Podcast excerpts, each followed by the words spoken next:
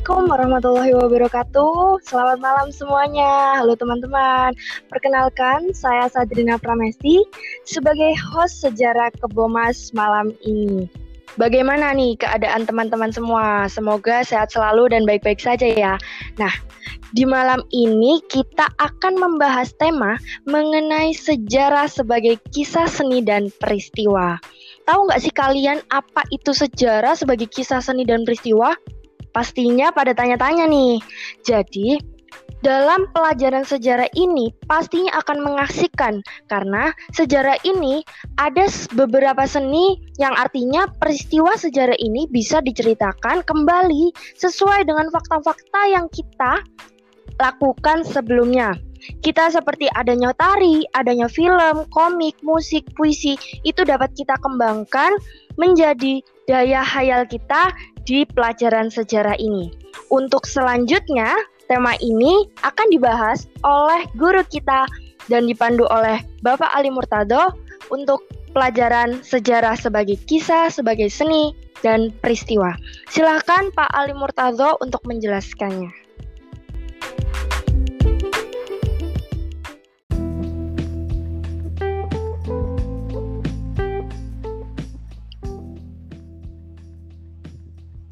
Oke, halo Ina. Halo Pak, Terima kasih, gimana? Terima kasih atas uh, pembukaannya yang sangat luar biasa.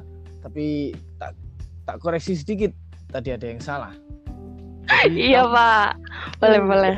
Sejarah sebagai ilmu. Nah ini penting karena sejarah itu masuk dalam ilmu pelajaran. Jadi jangan dilupakan. Oh gitu. Sejarah itu juga sebagai ilmu. Nah, siapa? seperti yang sudah disampaikan oleh host kita yang sangat cantik. Terima kasih Pak. Nah, sejarah itu memiliki banyak uh, dalam arti konsep. Jadi dia juga bisa berperan sebagai ilmu, bisa berperan sebagai peristiwa, bisa berperan sebagai kisah, dan yang unik lagi bisa berperan sebagai seni. Nah, nanti silakan kalau mau tanya-tanya di tengah-tengah, saya persilakan Ina ya. Namun saya Wah, akan boleh jelaskan nih. satu persatu secara perlahan. Yang pertama Oke secara deh, Pak. ilmu. Karena eh, empat konsep ini memiliki ciri yang berbeda-beda. Seperti sejarah sebagai ilmu, syarat pertama atau ciri pertama sejarah sebagai ilmu yaitu karena empiris. Nah, empiris itu dalam artinya yaitu tergantung pada pengalaman manusia. Pengalaman manusia, jadi bukan bukan hewan, bukan tumbuhan. Makanya ada pertanyaan yang unik. Apakah hewan dan Apa tumbuhan itu nggak punya sejarah? Wah, Itu, itu pertanyaan. Karena syarat sebagai ilmu, syarat sejarah sebagai ilmu itu empiris. Nah, empiris itu berdasarkan pengalaman manusia. Pengalaman manusia bisa terekam dalam bentuk artefak atau dokumen atau mungkin lukisan dan sebagainya. Nah, itu namanya empiris. Nah, ciri yang kedua sejarah sebagai ilmu memiliki objek. Kalau nggak ada objek nggak ada sejarah. Iya. Nah, itu Hmm? objek sejarah bisa berupa manusia, bisa berupa eh, sebuah peristiwa, bisa berupa Mhm. sebuah tempat dan sebagainya. Kalau tempat biasanya berhubungan dengan antropologi. Nah, antropologi itu membahas manusia zaman sekarang yang berkisah tentang masa lalu. Nah, itu antro. Kemudian eh, ciri sejarah sebagai ilmu yang ketiga yaitu sejarah memiliki metode. Nah, ini yang metode. metode. Nah, ketika saya menulis eh, cerpen atau novel atau menulis sejarah, menulis eh, misalnya cerita tentang apa, itu harus menggunakan metode sejarah. Nah, metode sejarah itu ada empat. Yang pertama heuristik, yang kedua kritik, yang ketiga verifikasi, dan yang terakhir menulis. Jadi untuk menulis sejarah itu harus melampaui atau melalui tiga metode sebelumnya. Yang pertama heuristik atau mencari sumber sebanyak-banyaknya. Sumber Oke. sebanyak-banyaknya itu kemudian disaring, itu namanya kritik. Setelah disaring, dapatkan Mm-mm. sumber-sumber yang penting, kemudian disatukan, itu namanya interpretasi. Nah, interpretasi ini nantinya akan menghasilkan tulisan, yaitu historiografi sejarah. Maka sejarah sudah layak menjadi sebuah ilmu. Dan yang terakhir, sejarah itu cirinya sebagai ilmu yaitu memiliki teori. Nah, seperti yang kemarin, Yep. misalnya sejarah itu eh, berapa tahun batu ini. Nah, itu menggunakan teori kimia. Kenapa? Karena ilmu kimia lah dengan cairan-cairan kimia tertentu bisa menentukan tahun eh, berapa batu itu dulu dibuat atau misalnya menemukan sebuah kapak batu berapa kira-kira umurnya. Nah, itu secara Oh. sebagai ilmu. Kita sekarang ke secara sebagai peristiwa. Sudah siap atau kamu ada Yap. pertanyaan dulu? Itu Pak, sebentar ada pertanyaan sedikit Nah, nih. ini Tadi kan Pak Al kan, oh ya, apa-apa nih? menjelaskan bahwa metode sejarah kan ada empat nih. Ya, Ada heuristik, kritik, menulis, dan interpretasi. Nah, seumpama ada seseorang yang mau eh, mengulang sejarah-sejarah masa lampau, tetapi dia nggak memenuhi kriteria atau metode ini, salah satunya aja, itu melanggar atau gimana nih Pak? hmm, Atau nggak termasuk dalam ilmu sejarah? Nah, kalau melanggar secara sejarah sebagai ilmu atau secara metodologi, ya jelas dia melanggar metode sejarah. Tapi apakah tulisannya Hmm. layak dikatakan tulisan sejarah atau enggak, itu masih harus membutuhkan pengkajian oleh para ahli sejarah. Jadi nggak bisa langsung dikatakan, oh ini tidak layak, oh ini karena melanggar. Tapi normalnya setiap orang yang Mm-mm. menulis sejarah pasti akan melewati empat hal itu. Nggak mungkin eh, misalnya Ina Oke. lagi jalan-jalan ke Giri, kemudian menemukan oh ada patung naga, kemudian Ina browsing lah patung naga ini apa. Nah itu Mm-mm. kan sudah termasuk heuristik. Kemudian Ina mencari Oh iya. Oh, di internet ini sumber ini katanya ini legenda bahwa naga giri itu dari sapu. Nah kan Ina bisa memikir, oh masa sih masa naga dari sapu. Kemudian itu kamu pilih, oh ini nggak layak ini nggak layak nih. Nah itu namanya kritik. Kemudian Ina mulai menulis, Oke. menulis, menulis yang layak-layak dikumpul. Mm-mm. Nah itu sudah jadi tulisan sejarah yang bagus. Jadi syarat menulis sejarah Mm-mm. bagus, yang baik, yang benar itu harus melalui metodologi sejarah keempat-empatnya. Gitu. Oke, siap paham Pak. Lanjut Oke, deh. kita lanjut ke peristiwa. Nah, Siap. ciri sebagai peristiwa tentu saja ya apa ya fakta, faktual lah intinya. Jadi Hmm, orang tentu. menulis sejarah itu harus oh orang menulis sejarah sejarah itu harus memiliki dokumen atau sumber atau Iya bukti betul. misalnya eh, kita nggak akan pernah tahu cerita tentang Sunan Giri bagaimana kehidupannya masa kecilnya kalau nggak ada dokumen-dokumen yang melatar belakangi- melatar belakanginya misalnya Dokumen berupa babat atau serat atau dokumen berupa tutur jadi dari turun temurun ceri- turun temurun cerita dari masyarakat nah itu juga termasuk eh, menjadi sebuah syarat atau ciri bahwa sejarah itu sebuah peristiwa yaitu memiliki Istiwa. dokumen atau eh, dokumentasi lah ya dokumentasi Secara faktual, Ya. nggak diarang-arang gitu ya Pak ya. Misalnya eh, Iya. banyak kalau ngarang itu bisa menjadi sebuah dongeng atau legenda Dongeng. ya kan Iya betul. Eh, Yang, bukan sejarah. Eh, bisa saja sebuah sejarah itu tapi bisa saja itu hanya untuk pengantar tidur gitu karena Iya iya Pak. ma- ciri khas bangsa kita bangsa Nusantara memang punya, eh, daya imajinasi dan daya inspirasi yang sangat tinggi itu seperti Oke. legenda Tuban, perahu dan malin kundang batu malin kundang itu salah satu contohnya Yep. kita ke seba- sebagai kisah oke Oke lanjut. lanjut Lanjut secara sebagai kita.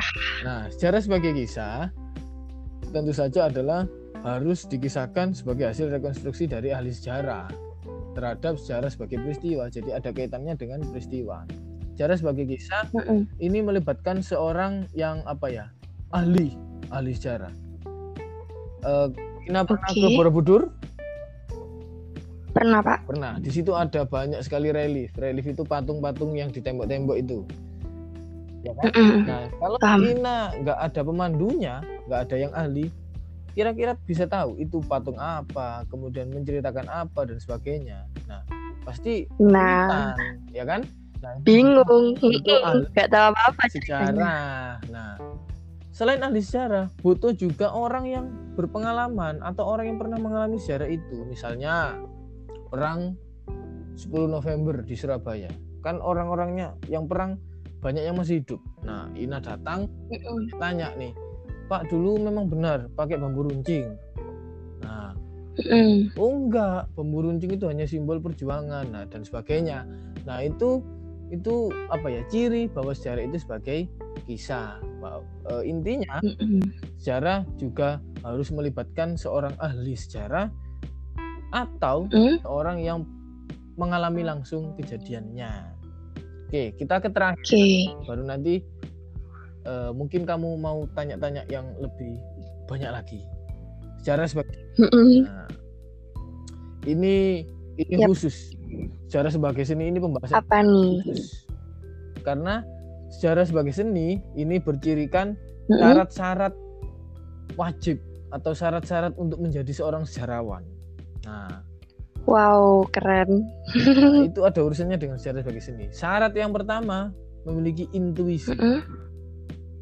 Kamu tahu Intuisi apa tuh? Eh, apa tuh, Pak? Intuisi itu apa ya? Eh, kepekaan lah. Intinya itu peka, Oh, ya ya ya. peka. Jadi Peka. eh, intinya itu gimana ya? Kalau intuisi ya bisa menggambarkan dari sebuah kepingan-kepingan. Misalnya eh, saya pernah nih pengalaman jalan-jalan ke sebuah desa, kemudian eh, sama orang sejarah, sama orang ahli sejarah yang lebih senior dari saya. Dia itu Iya. berjalan-jalan lalu menemukan batu, kemudian batu itu dipegang. Ternyata Mm-mm. bukan batu biasa, batu itu batu Mm-mm. dari kacamata saya, pandangan saya, oh ini kan hanya batu. Hmm. Tapi dari pandangan dia, batu ini ternyata penting. Kemudian dia mulai menggambarkan peristiwa atau mendeskripsikan bahwa Mm-mm. eh, mungkin daerah sini itu begini begini begini. Nah, itu namanya intuisi. Intuisi itu penting banget. Oh. Ketika Mm-mm. eh, melakukan apa ya? Kalau saya menyebutnya itu belusukan sejarah atau sejarah. Jadi menuju sebuah lokasi yang diduga banyak eh, temuan sejarahnya, kemudian nanti membayangkan. Nah, membayangkan itu namanya imajinasi. Syarat kedua yaitu Hmm. imajinasi. Seorang sejarah Imajinasi. seni imajinasi. Intuisi dan Jadi harus tinggi juga ya, Pak ya. apa? Imajinasinya juga harus tinggi Oh, juga gitu. harus tinggi, tapi harus liar malahan. Iya, iya, iya. Tinggi tapi liar. Oke. Jadi misalnya gini, eh, ada saya pernah nih pengalaman ke sebuah desa, di situ ada kuburan luas banget. Namun kuburannya itu nggak datar, tapi bu- bukit. Nah, saya mengajak teman ke sana, kemudian meneliti di sekitar kuburan itu. Kok aneh? Kuburan warga kok Oke. bentuknya bukit. Harusnya kan datar, biar eh, menggalinya lebih enak kan? Tapi bentuknya Iya, bukit. betul. Nah, ketika tak lihat, ternyata di situ ada tumpukan bata. Nah, imajinasi saya mulai Hmm. memikirkan, oh mungkin kalau digali terus ini bisa-bisa candi ini. Nah, itu namanya Mhm, mhm. imajinasi ke situ. Karena bata-batanya bata-bata. Oh. Nah, Mm-mm. selanjutnya ciri sejarah Yap, sebagai seni dan juga merupakan syarat seorang sejarawan yaitu memiliki emosi. Emosi. Apa nih, Pak? bahaya ya. Masa dah ya. Emosi ini apa ya? Bisa emosi romansa, bisa emosi eh, nasionalis dan sebagainya. Yang penting emosi. Ketika kamu membuat Mm-mm. atau men- akan menulis sejarah atau meneliti sejarah, kamu pasti melibatkan emosi Mm. di sana, pasti itu. Karena emosi Wow, eh, sejarah, menulis sejarah itu sama dengan menulis sastra. Karena membayangkan betul. dan me, apa ya mengira-ngira kejadian masa lalu sehingga pasti ada emosi yang terlibat di dalamnya dan eh, ciri selanjutnya yang juga terakhir Mm-mm. yaitu gaya bahasa. Seorang sejarawan Oke. eh, memiliki gaya bahasa yang apa ya? Harus harus memiliki gaya bahasa yang eh, bisa membangkitkan semangat. Gaya bahasa ini ada urusannya Iya. dengan ketika seorang sejarawan ingin bercerita sejarah atau menulis sejarah. Kalau tulisannya datar, orang kan nggak akan tertarik. Tapi Betul, harus energik gitu ya. Nah, kalau gaya bahasanya atau gaya bicaranya ini energik atau gaya Mm-mm. bicaranya ini meluap-luap, penuh dengan emosi, membahas. Betul. Pembacanya juga tertarik nanti. Nah, betul. Pembacanya pasti akan wah terlecut semangat nasionalismenya, eh, mulai bangkit jiwa cinta sejarahnya dan sebagainya. Nah, itu Betul. itu kaitan sejarah sebagai seni sekaligus syarat syarat menjadi seorang sejarawan. Nah, eh, untuk penyampaian saya mungkin cukup ke sini saya kembalikan ke Ina nih. Silakan Ina. Oke deh, wah tadi udah diterangin satu demi satu secara detail apa itu sejarah sebagai seni, sebagai ilmu, sebagai peristiwa dan banyak sekali nih syarat-syarat yang harus dipenuhi dalam pelajaran sejarah ini. Ternyata sejarah ini yang mungkin di pikirannya teman-teman semua ini membosankan atau banyak yang dihafalkan dari Nah. tahun ke tahun dan peristiwa-peristiwa gitu. Tapi nggak taunya di dalamnya lagi kalau kita keruk sedemikian rupa, nggak taunya lebih asik. Jadi Nah, kita tahu nih peristiwa zaman dulu apa sih artinya gitu. Jadi kalau teman-teman mau lebih belajar lagi, lebih memperdalami lagi ilmu sejarah, bukan luar atau casingnya saja nih, pastinya akan cinta nih teman-teman semua. Betul kan ya Pak Al ya? betul betul betul betul.